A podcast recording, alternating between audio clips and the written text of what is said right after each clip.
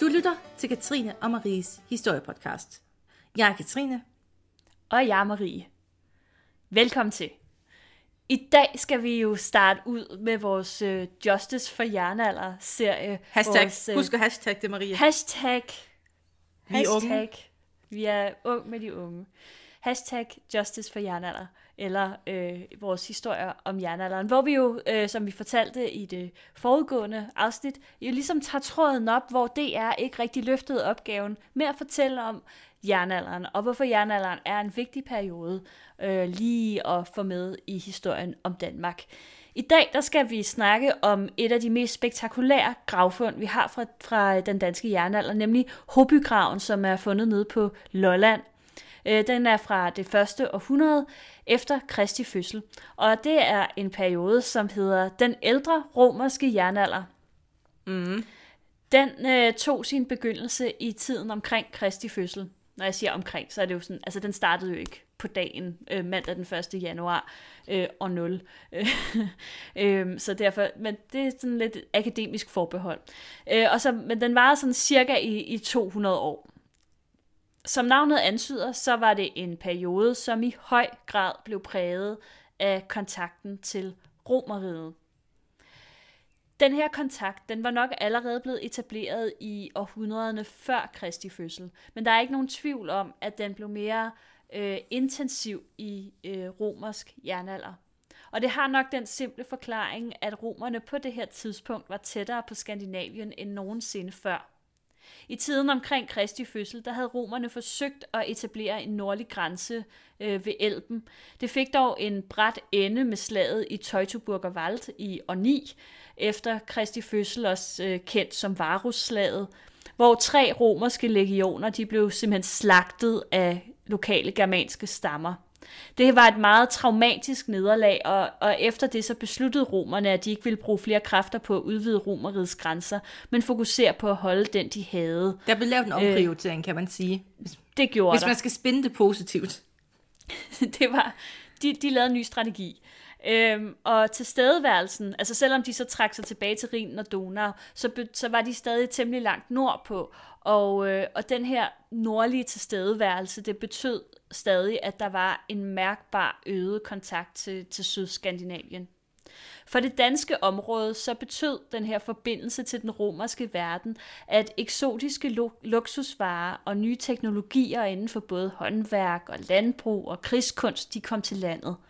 Kontakten og de kostbare romerske varer, de kom dog først og fremmest eliten til gode, der brugte metalvarerne til at markere deres status og magt bronzekar og bronzekedler, bronzespande, ikke bronzevåben, det skulle jeg til at Det sige. er ret pimp at have en spand af bronze.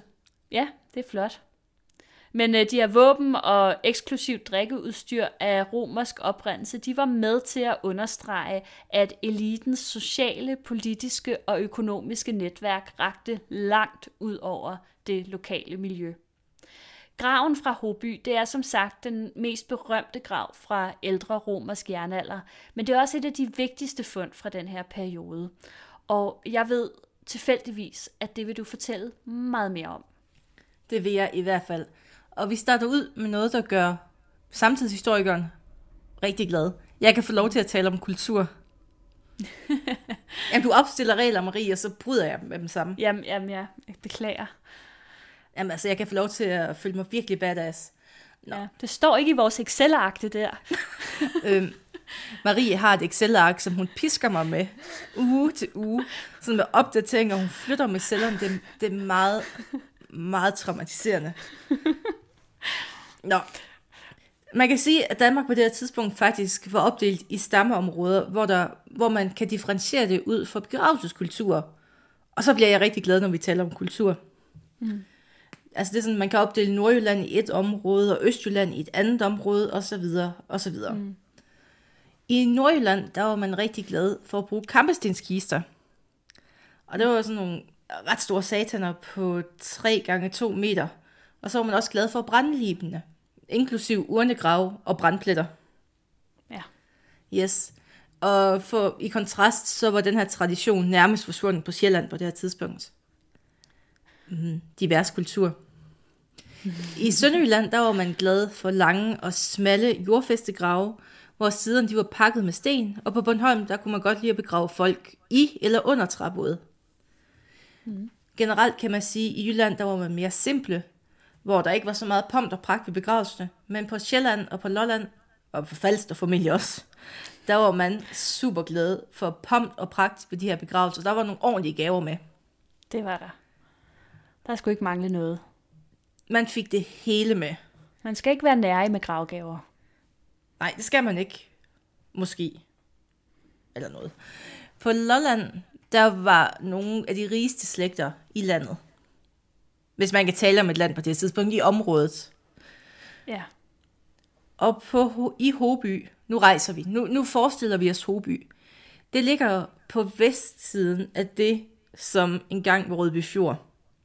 Og når jeg siger engang, så er det fordi, at landskabet det har jo ændret sig.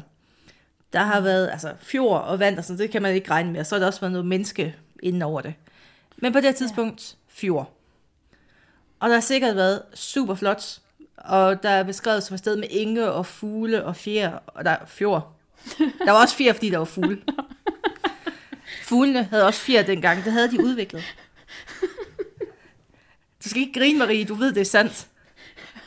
Jeg, jeg, jeg griner med dig. Det ja. ved jeg godt. Mm. og det er så her, man har fundet den ubetinget rigeste grav for jernalderen. Hobygraven. Du, du, du, du. Du, du. Den blev udgravet første gang i 1920, og ikke særlig langt derfra finder man så sent som i 99 en boplads med fint bevaret hustomter. Ja. Du må gerne knytte en kommentar til Marie. Ja, jeg vil bare sige, at, at, øh, at den kommer vi tilbage til, den her boplads, senere. Gør vi? Så. Ej, hvor fedt. Fint, yeah. for jeg siger ikke mere om det. Jeg tør ikke. Nej. og, og her kan du så fortælle en historie. I mine noter står der, at manden, han var i 30'erne, da han døde, men øh, du siger, det ved vi Ja. så ikke helt alligevel, fordi Og han er væk. Altså, ja, men altså, det var jo i 1920, og, og altså, jeg må indrømme, at så vidt jeg husker historien, så var det jo nogen, der skulle... Det var jo ikke arkeologer, der gravede graven. Altså, det var jo nogle lokale, der skulle grave et eller andet andet, og så fandt de den her grav, og så fik de fat på nogen, der kom fra Nationalmuseet, og kom ned og kiggede på det, så vidt jeg husker det. Øhm, Som du husker det. Du var der selv. jeg var der. Jeg er meget ældre, end I tror. Øhm, og hvad hedder det? Øh, det betød, at der måske var nogle af de her ting, der var blevet... Altså, jamen, jeg ved det ikke rigtigt. Jeg ved bare, at i dag har man ikke knoglerne fra Hobygraven. Øhm, og, og det kunne jo være meget fedt, at man kunne ligesom, ligesom få verificeret, om det nu var en mand eller en kvinde, der rent faktisk var begravet. Øhm, vi har det kun fra, fra den første, der, der ligesom havde, havde fingrene nede i graven. Smukt. Men i den her kiste, der stod en bordopdækning med drikkeservice. Og nu holder vi fast. Nu går vi igennem mm. inventarlisten. Yes. Vi starter med et stort bronzebækken med fod. Mm. En bronzekasserolle med stempel. En bronzekande med kløverbladets udmunding. En serveringsbakke og overraskelse, det er bronze. Vi har et bronzesisula med ansigtsater.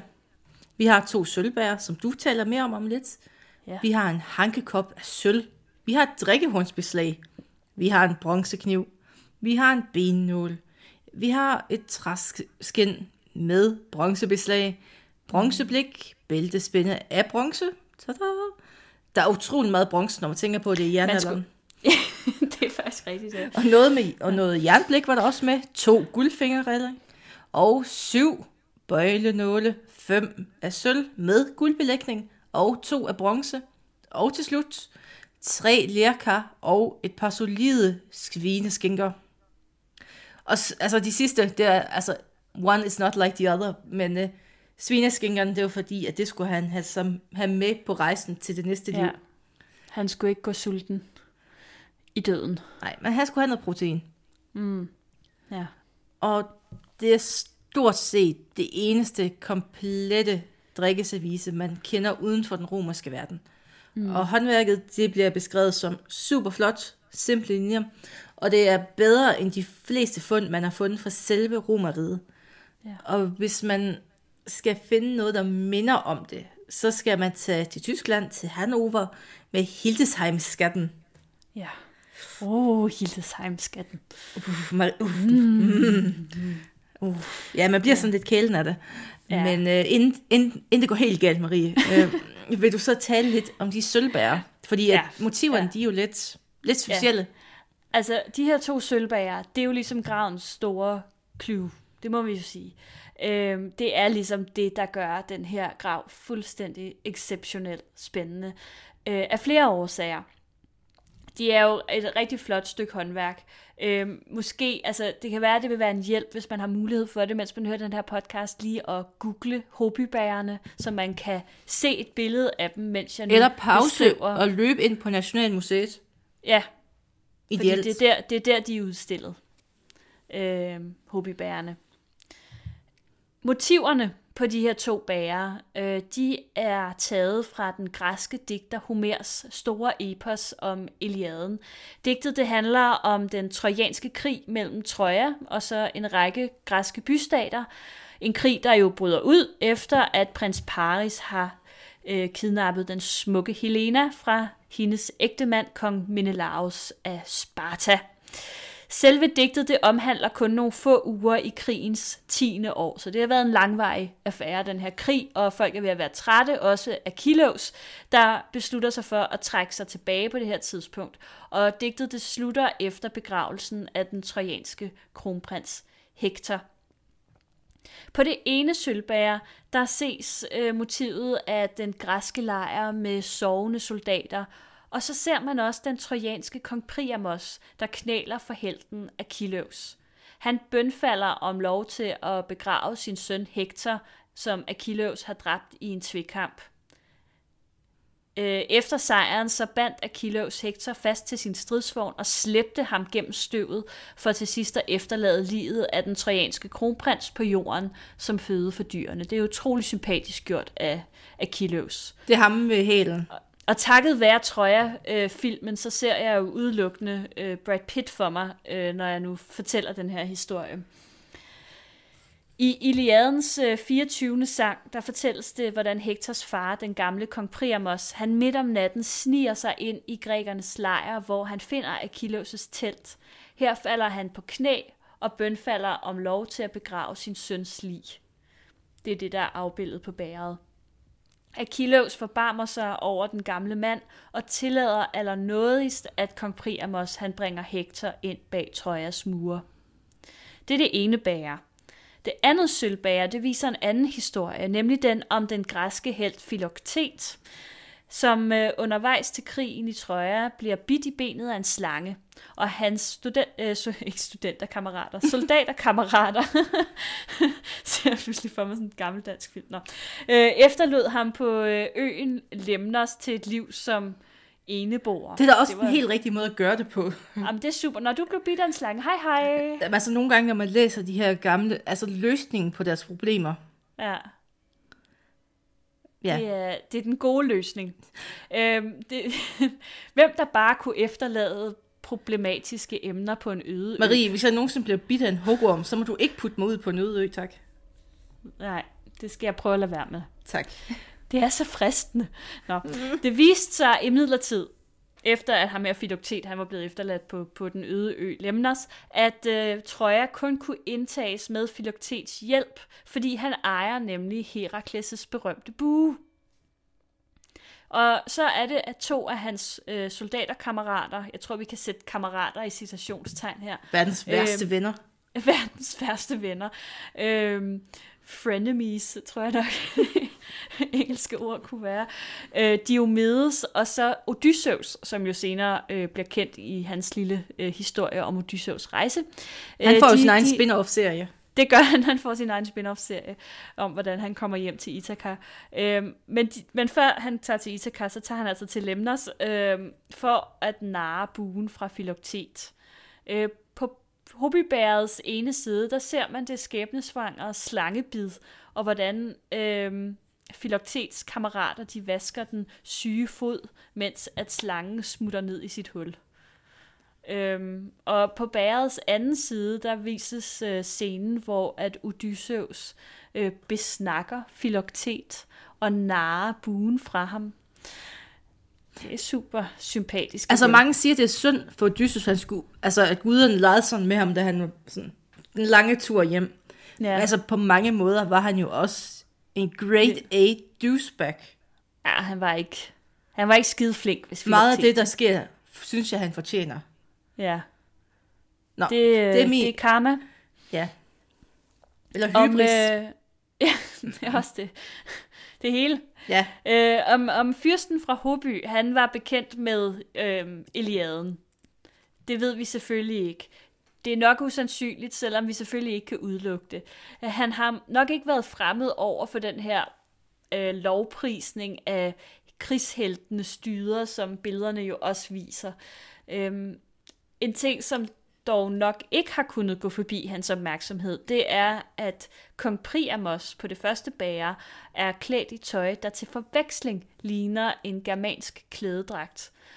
Og Achilles, han ligner til forveksling en romersk kejser.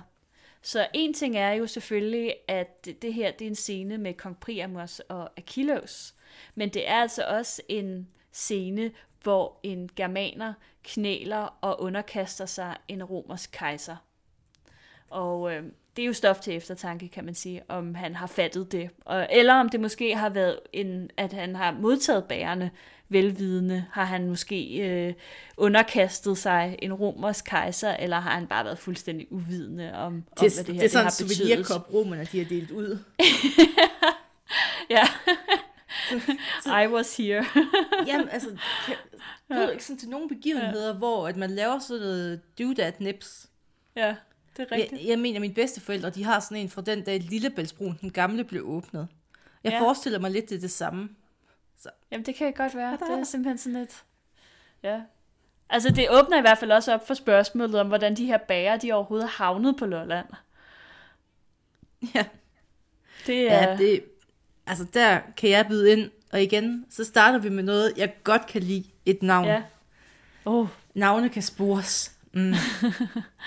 Især hvis det er et romersk navn. Det snakkede vi egentlig også om, øh, dengang vi snakkede om de vildfarende nordjyder. ja. At romerne, deres bedste træk, det var, at de skrev, nær, de skrev nærmest alt ned. Mm. Et meget sympatisk træk, synes jeg. ja. Men i bunden af de her sølvbær, der finder man navnet Silius. Og så spørger man sig Ja. selv, hvem var han? Du, du, du. Og det er nok ikke et tilfælde, at det var det navn, fordi der var nemlig en navn, en mand ved navn Silius, der huserede i det øvre Germanien, altså den nordlige del, i tidsperioden cirka 14 til 21 efter Kristi. Og han var militærkommandant. Og han havde siddet i Mainz. Så det vil sige, at han var ret tæt på Lolland. Relativt. Ja. Jamen, det er jo Tæt nok. tæt nok, ja. Det er nok det ord, vi skal bruge. Mm. Og det kan jo godt give os et hint om, hvad det her bære har været for en størrelse. Mm. Romerne, de kom jo fra, ja, det man nok kan sige en rigtig dårlig oplevelse. Ja. Det må man sige. Ja, Det var det der slag. ja, var jo slaget. Mm. Og det var jo slaget. Og det gik, altså det gik jo ikke særlig godt. Men det krævede jo nogle straffeekspeditioner nord for Rhinen. Man var ligesom nødt til at prøve at vise, at man ikke var så slået alligevel. Mm. Og det betød store tab. Øv. Ja. Så man var nødt til at ændre sin tilgang til de her nordboer. Hvad delen gjorde med dem. Så i stedet for at gå ud og stikke dem med et svær, så gik man over til diplomati. Og det, det end, altså, slutmålet var egentlig at få dem til at slås med hinanden i stedet for romerne. For, ja, så har de, så er de sysselsat. Ja, så er de sysselsat. Ja. Ja. Og hvordan får man dem overbevist om, de skal slås mod hinanden? Så er man nødt til at have en allieret. Og dem kan man jo, man kan jo prøve at bestikke sig til noget godt ved. Mm. Og sådan et par sølvbær, altså, det er en ret fin gave. Ja. Så man kan jo godt forestille sig, at den kære Silius, eller nogle af hans, nogle af dem, der arbejder for ham, de lige var mm. på besøg ved Lolland og sige, måske du skulle passe lidt på os, eller lad være med at stikke på romerne. Mm. Og tada! Det Jeg kunne har jo... du et par bager. Her har du et flot bære, vil du være vores ven? Det er altså en ret god vennegave, der. Ja, det er en, det er en ret fin vennegave. Og Ja. hvis man, altså, Det var næsten lige så fin en vennegave, som da jeg gav dig en kalender med katte. jeg har ikke bladet væk fra februar endnu, fordi den kat er ultimativt den bedste kat i verden. Jeg vil godt uploade et billede af den. Eller der er jo faktisk to, og de er så smukke. Ja. Nå, altså, hvis vi skal underbygge den her påstand, vi kan jo godt lige underbygge ting. Mm. De fleste ting, man har fundet fra Nordeuropa, eller, Nord, altså Romeriet i Nordeuropa, de er netop fundet i Danmark. De er ikke fundet i resten af Skandinavien og Baltikum, eller i Tyskland, Nordtyskland for den sags skyld.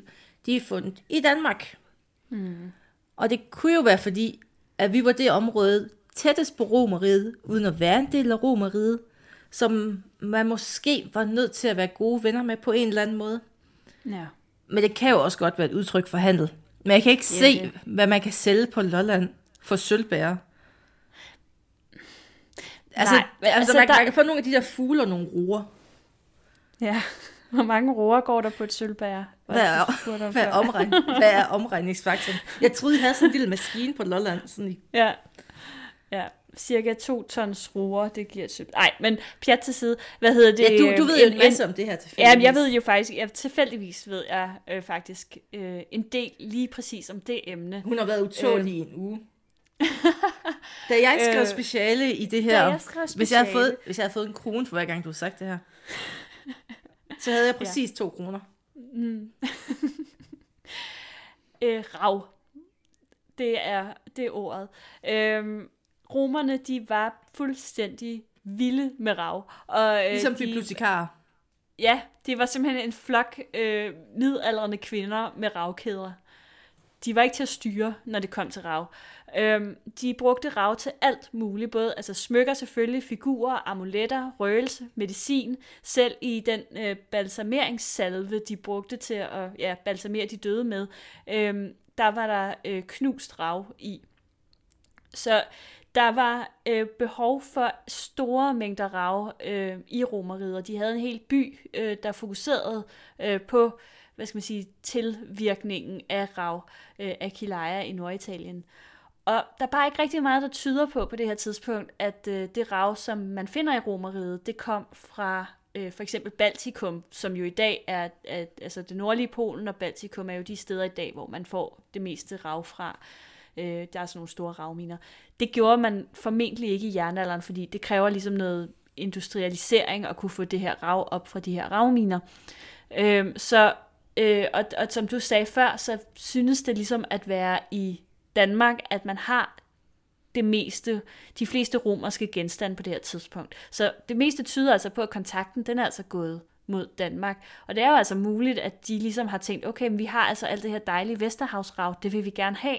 Vi vil gerne have kontakt med de her folk, der bor op på de her kanter. Om det lige præcis har været rav, der øhm, gjorde det attraktivt for eksempel at give hobyfyrsten, som vi kalder ham, øh, de her hobybærer, det er svært at sige.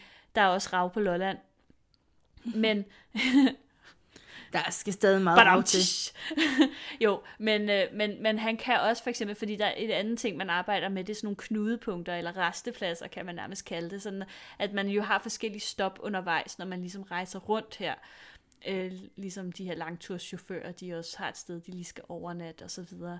Og hvis man ligesom havde kontrollen over sådan et sted, så kunne det faktisk være en meget, meget indbringende forretning. Og det kan jo også være, at, øh, at hobbyfyrsten, fordi lige der omkring, hvor at, at det område det ligger, det kunne være et optimalt sted lige at stoppe, øh, når man nu har været rundt om Fyn, og så stopper man lige på Lolland, inden man sejler videre ned mod kontinentet. Så øhm, det er også en mulighed, at, øh, at det kan være grunden til, at han har haft den her kontakt. Sådan en vennegave, et rejsepas. Det er en ret fin gave. Mm. Ja, det er det. Det er de andre også, dem man finder i, i resten af Danmark. Det er jo nogle meget fine ting, de har taget med. Jamen altså, hvis, altså, som hvad indegave, synes jeg, det er ganske fint. Ja. De kunne bare have nøjes med en, en, øh, en gang chokolade eller sådan noget. blomst. Merci. Ja. Hvad siger en blomst sådan? Hvad Så de den havde der- alliance sikret. Sådan, øh, de havde den der fiskesovs. Mm. Garum. Mm. Haps, haps. Mm. Ja. Ja. Men øhm, Marie, Du Ja. er jo arkeologen også to, hvis Det er jeg. i tvivl. har man fundet noget, der sådan minder om det her? Fordi nu, for, altså, Ja. nu har vi snakket om forskellige begravelsesskikke. Ja. Mm. Er der andre steder, man fik sådan nogle rimelig gode gaver med? Ja, altså som sagt, så, så findes de faktisk over det meste af Danmark. Øhm, og der er også flere på Lolland. Øh, fordi graven fra Hoby, det er langt fra den eneste kostbare, eller eneste grav med kostbare øh, gravgaver fra Romeriet. Øhm, der findes en, en lang række af de her grave med, med romersk import, som vi kalder det. Øhm, men hobbygraven, den skiller sig alligevel ud, fordi især på grund af de her sølvbager. Øhm, de rige grave med romerske genstande, de ligger ofte i områder tæt ved kysterne. Det gælder sådan set for hele Danmark. Øhm, og hvis det ikke er tæt ved kysterne, så er det tæt ved åløb, som har været sejlbare, eller måske hervejen, som jo går øhm, tværs gennem Jylland. Eller vandet, altså sådan, igennem Jylland. øhm, Nå, Geografi, Jylland. sådan. Ja, jeg er arkeolog, ikke geograf. Nå. Den øh, mest nærliggende tolkning på, hvorfor de ligger her langs de her færdselsåre, det er, at det må afspejle den kontakt med omverdenen, som man havde på de her steder, måske på grund af handelsvejene. Det gør sig også gældende for Lolland og for Falster, øh, for selvom at Hobifyrsten som sagt var den rigeste, så var han langt fra den eneste. En af de andre meget berømte grave fra Lolland, det er en kvindegrav fra Julinge, som ligger ikke så langt fra Nakskov. Øhm, og udover at hun også havde fine bronzesager med, så havde hun også to drikkebæger af glas, hvilket virkelig har været en luksusvare på det her tidspunkt.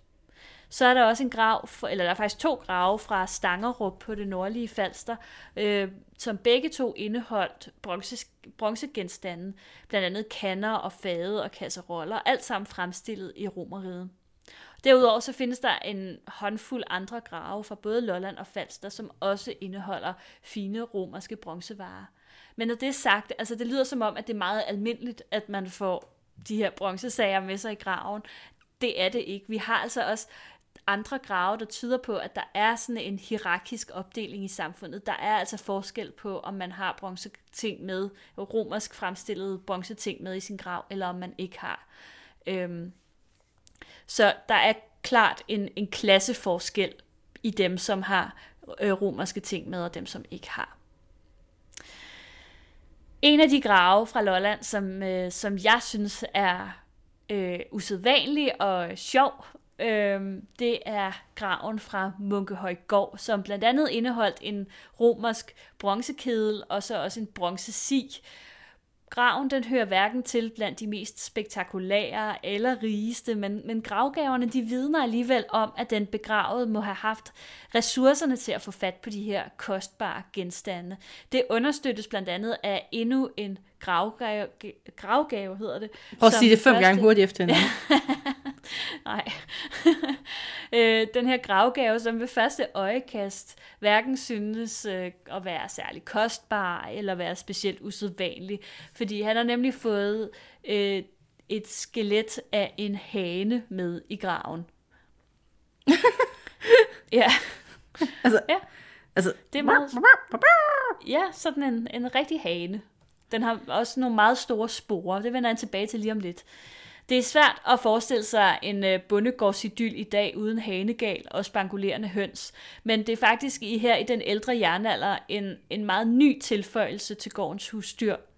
Det var med stor sandsynlighed romerne, der bragte tamhønsene til landet, fordi tamhøns var udbredte i romeriet, og de var også meget populære i romeriet. Mens både kvæg, svin, får og geder, de kom hertil med de første bønder for omkring 5.000 år siden, så stammer de første sikre spor efter tamhøns, altså for tiden omkring Kristi fødsel. Det kommer lidt som en overraskelse for mange. Jeg synes, det er rigtig sjovt, at de er så sene ind, øh, og, hvad hedder det, importeret. hønse, avanceret hønsehistorie. Ja. Det kan meget vel tænkes, at det i begyndelsen hverken var for kødet eller æggenes skyld, at hønseholdet blev udbredt i Danmark, fordi de tidlige jernalderhøns de var meget små. Det var også først i løbet af vikingetid og middelalder, at man ser større hønsehold på gårdene, og det er også først her, at der kommer flere og større hønserasser. Det er altså formentlig hverken hønen eller ægget, der kom først. Men hanen, eller måske rettere kamphanen, fordi hanekampe var utrolig populære blandt romerne, og det kan have været en skik, de udbredte sammen med fjerkræet. Hanen fra Munkehøjgård, den var også i besiddelse af nogle meget store sporer, hvilket kan betyde, at den havde en høj alder, da den kom i graven. En gammel hane, det er ikke ligefrem noget festmåltid. Så det er ret usandsynligt, at den er blevet lagt i graven som et sidste måltid til den døde. Det har i hvert fald ikke været sådan særligt. Det er bare en svækkeur. Det er ikke ligesom Hobyfyrsten, der fik nogle lækre svineskanker med, vel? Nej. Nej. Derimod så kan de store spore betyde, at hanen var en aldeles glimrende kamphane, fordi jo større spore, jo bedre chance for at vinde over sin modstander. Det er en interessant tanke, synes jeg, fordi øh, det er faktisk det indtil videre ældste spor efter tamhøns i Danmark ligeledes er skelettet af en hane. Det blev fundet øh, op på en jernalderboplads i Thy, der hedder Smedegård, og den dateres til begyndelsen af ældre romersk jernalder, altså lige omkring øh, Kristi fødsel. Smedegård den er beliggende ved Limfjorden, som på det her tidspunkt udgjorde en sejlbar passage fra Jyllands vestkyst og hen til østkysten. Og det er ret bredt accepteret, at den her passage den udgjorde en meget vigtig del af sejlruten mellem eller rundt om det nuværende Danmark.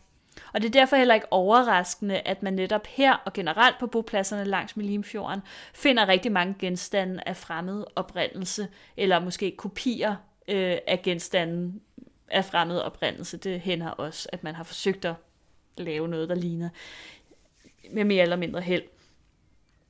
Det er nærliggende at forestille sig, at også hanen fra Smedegård har været resultatet af handel eller anden udveksling med handelsfolk fra fremmede egne, hvis ikke romerne selv, så øh, måske deres repræsentanter. Spørgsmålet er jo selvfølgelig, om det samme kan have gjort sig gældende for hanen ved Munkehøj Gård. Øh, og det kan vi jo nok aldrig nogensinde få svar på. Men jeg synes, det er en rigtig sjov tanke, fordi det ligesom også tager et, et så kendt husdyr som, som, som tamhanen og sætter den i en helt anden sammenhæng, end det vi egentlig regner med, at det kunne være. Men når man hører om alle de her forbindelser, øh, romerske forbindelser, handelsvarer og luksusting, øh, som kom fra Romeriet og til Danmark, så melder der sig jo et øh, ret godt spørgsmål og det er, øh, var romerne egentlig nogensinde i Danmark? Ja, jamen, det er jo et godt spørgsmål. Ja, det er det. Vi lå jo uhyggeligt tæt på nordgrænsen. Altså, den var lige nede i Tyskland. Mm. Og romerne, de havde været lidt op og kigge på Danmark. Tiberius og den romerske flåde, de var på rekognosceringstur i de danske farvande i år 5 efter Kristi.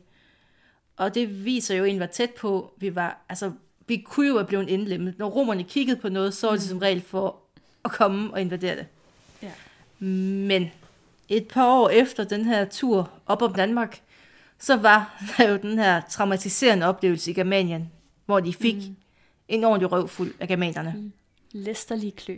Læsterlige klø. Og så lavede de jo den her omprioritering så romerne de besluttede, at den nordlige grænse den ikke skulle være ved Elben, men ved Rhinen Donau. Hmm. Og det markerede egentlig 400 års fred og ro for Danmark. Der var en stormagt nede sydpå, som ikke rigtig havde lyst til at invadere os, så vi kunne handle med dem, og der var ikke rigtig nogen far på færre. Så det var, det var dejligt roligt. Mm. Men det ændrer sig jo desværre. Og mange arkeologer har jeg læst mig frem til i hvert fald. Og I, I siger jo så meget. Ja. Men øhm, våbenfundet ved Illerup Ådal ved Skanderborg, mm. som vi også skal ind på senere, mm. det er altså et sted, hvor man har fundet afsindig mange våben nedsmidt. Ja. Og det sker omkring 200 efter Kristi. Og der har man så vurderet, at her begynder tingene at blive lidt mere urolige. Mm. Fordi våbenoffringer, det var som regel noget, man lavede i forbindelse med krig. Altså enten man havde slået nogen, eller man skulle til at slå nogen. Og... Så ja, krig. Ja. Og samtidig med det, så begynder man også at bygge forsvarsværker i Jylland. Olmerdide, der strækker sig på tværs af den sydøstlige del af Sønderjylland, den bliver bygget i 219 og bliver forstærket i 278. Og omkring år 200, der laver man også en undersøgelsesbefæstning af Haderslev Fjord. Altså hvor man putter traphæle ned, så folk ikke kan sejle ind. Ja. Så noget tyder på, at tingene er gået galt. Og det er ikke nødvendigvis romerne, vi var bange for. Men det hænger alligevel lidt sammen med romerne, hvis du... Det bliver sådan lidt langhåret det her. Men romerne i den her periode, det går ikke så super godt altid i romeriet. Det har vi snakket om før med nordjyderne. Der, der er nogle gange, at tingene ikke, altså skiftende kejser og skiftende kommando og forskellige ambitioner. Ja. Så romeriet er lidt shaky i den her periode, og det åbner op for, at folk, så handler vi heller ikke så meget med dem, og folk de begynder så i Danmark, jamen hvis vi ikke skal være bange for romerne, så kunne vi måske egentlig slå på hinanden i stedet for. altså faktisk ved at ikke at at interagere med Danmark, så får de så Vasilius, han drømte om for 200 år siden, Ja. tilfældigvis. Ja. Og for den her periode, så har der jo også, altså Nydambåden, ja. som et prægtigt fartøj. Det er et prægtigt fartøj. Det, det tror jeg, vi kommer lidt Ja, mere kommer ind på vi ind et på. senere afsnit, faktisk. For vi er lidt, du har lidt bevæget dig, du har snedet dig Jamen nu sner, fra nu ældre romersk jernalder ind i yngre romersk jernalder, fordi grænsen er jo 200 efter Kristi fødsel, som I husker. Jamen altså, jeg anerkender ingen af jeres periodiseringer. Nej, jeg, jeg, jeg ved det godt. Men de her uroligheder, de var især tydelige i den vestlige del af Danmark, altså Jylland. Mm. Det var her, man begyndte at flyve lidt i totterne på hinanden. Men det var ikke så galt over ved Lolland Falster. Og i, på Sjælland, så nogen vælger at sige, at det var fordi, at her var man bedre venner med de romere, der var tilbage. Mm. Og der var en form for handel og et venskabeligt bånd med resten af Europa så man ikke følte den samme trang til at gå og slå på hinanden. Mm. Så in short, ja, romerne har formentlig kigget forbi, men det har aldrig været for, for at invadere os. Det var ikke Nej. romersk jernalder, fordi at romerne var her. Nej, det, det er sådan den grundlæggende ting. Og når man taler om, at, at altså, vi har haft alle de her romerske forbindelser, og vi jo bliver ved med at have en strøm af genstande fra romeriet igennem ja, hele romersk jernalder, øhm, både ældre og yngre, så har det formentlig ikke været en, di- en direkte kontakt med romerne. Altså så har det været gennem mellemmænd. Kan jeg selvfølgelig ikke udelukke, at, at det kommer vi også til at tale om i et senere afsnit, at, at der er nogen, der rejser ned til romeriet, og at der er selvfølgelig måske nogen, der har noget direkte kontakt. Men som udgangspunkt er der ikke sådan nødvendigvis en direkte kontakt mellem dem, der er i Danmark og romerne. Så det er nok mere sådan, der er sådan en, en der er sådan en bufferzone nede i, i Nord-Europa, det nuværende Nordtyskland, som, som vi ligesom handler med, tror jeg, og så, så videre formidler de det sydpå. Gør dig helt mundlam. Ja, ja, ja, ja, ja abe.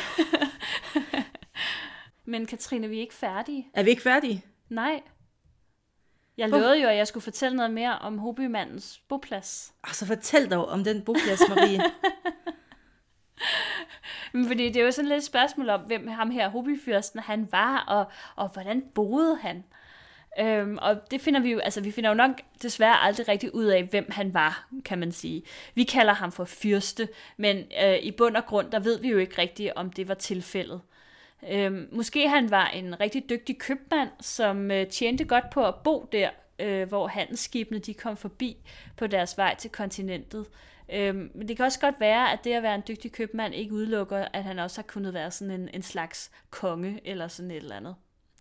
Der er ikke nogen tvivl om, at der i århundrederne omkring Kristi fødsel var en elite i Danmark, hvis sociale, politiske og økonomiske kontakter rakte langt ud over det lokale miljø, og, og at de også brugte de her romerske luksusvarer til at markere den status. Og fyrsten fra Hoby, han var uden tvivl en herre med en vis betydning. Omkring 250 meter fra der, hvor graven blev fundet, der fandt man, som du nævnte, i 1999 sporene efter en jernalderboplads, som fra 2000 til 2015 blev udgravet af arkeologer fra Museum Lolland Falster og øh, Nationalmuseet. Uh, da, altså så nævnt droppede man lige sig selv. Tilfældigvis. Og det var Museum Lolland Falster. Øh, med stor sandsynlighed, så er det her øh, Hobyfyrstens hjem. bopladsen den rummede i alt omkring 25 hustomter, som dog ikke alle sammen har været samtidig formentlig. Øhm, I flere af husene så var der bevaret lærgulve og ildsteder, og i flere af dem der fandt man også husoffre, det vil sige for eksempel små lerkar, man har gravet ned i, i øh, stolpehullerne, og det kan med måske et madoffer eller sådan et eller andet, som måske har skulle værne huset mod ildebrand eller sådan nogle den, den, den stil. Øhm, Udover hustomterne, så fandt man også nogle brønde, som man jo gør på bopladser gerne, øh, men så også meget store mængder dyreknogler og tonsvis af lærkarskov. Øhm, jordovne fandt man, eller kogegrupper, som de også hedder, og så et meget stort menneskeskabt vandhul, øh, som ud over øh, praktiske formål øh, formentlig også har fungeret som et eller andet form for offersted. Man er stadig ved at bearbejde resultaterne fra de her mange udgravninger, men udover at bopladsen den er meget stor og usædvanligt godt bevaret i forhold til flertallet af bopladser fra den her periode, så er det noget af det mest usædvanlige ved den, altså det store antal dyreknogler, hvoraf størstedelen er fra får. Knoglerne viser, at fårene de er blevet slagtet omkring 18 måneders alderen. Man har altså holdt de her får øh, for kødets øh, skyld snarere end for uldens skyld. Og det leder selvfølgelig tankerne hen på, om vi er ude i sådan en eller anden form for halvindustriel forarvl her, og om det måske er det, som øh, fyrsten fra Hoby... Han var forfyrsten. Han, han, han er simpelthen forfyrsten, for, forernes herre. Han bygget sin ja. rigdom op om får. Han har, byg, han har bygget sin rigdom op om får. Om det er noget, han har kunnet sælge til romerne, det, det ved jeg så ikke, for de har jo måske også haft får, men... Øhm, men var de fra Lolland? Var de, var de, altså... Det kan være, at lollandske får havde sådan en særlig, særlig god... Øh, Alle ved, god, at lollandske får er de bedste får. Præcis. Præcis. Men det var så alt, hvad vi havde for i dag. Smukt. og og øhm, nu har jeg jo altså hørt historien om den meget rige grav fra Hoby og de romerske forbindelser. Vi kommer til at snakke mere som om de her romerske egentlig, forbindelser. Altså, som viser, at jernalderen ikke bare var isoleret og kedelig. Ja. ja, det er nok den vigtigste pointe, tror jeg, i det her afsnit. Ja, ja det er det, vi gerne vil have, I tager med videre ud ja. i verden. Ja. At jernalderen, der var også udsyn. Ja. Og folk kiggede også på os. Vi var ikke bare en lille klump Nej. på toppen Selv romerne, romerne, de gad faktisk godt sejle herop. In your face bronzealder. Ja. Var romerne måske nogensinde i Danmark i bronzealderen, var? Var? Var? var? vi snakkes hvis I, i hvis I har, jeg skal lige huske at sige, ja. at inden uh, vi stopper helt, at hvis I har spørgsmål til det her fund, altså Hobygraven, eller til perioden uh, ældre romersk jernalder, eller bare kommentarer, ris og ros, så er I selvfølgelig Helst mere end velkomne til at, ja, mere end velkomne til at skrive til os. Og det kan I gøre enten på Twitter, på Facebook, eller direkte på mailen historiepodcasten snabelag.gmail.com. Og vi vil altid rigtig gerne høre fra os fra jer. Det er så hyggeligt. Øhm, og som du sagde før, i næste uge, så bevæger vi os lidt længere ind i jernalderen og fortæller om det store våbenofferfund fra Illerup Ådal. Det bliver blodigt. Ja.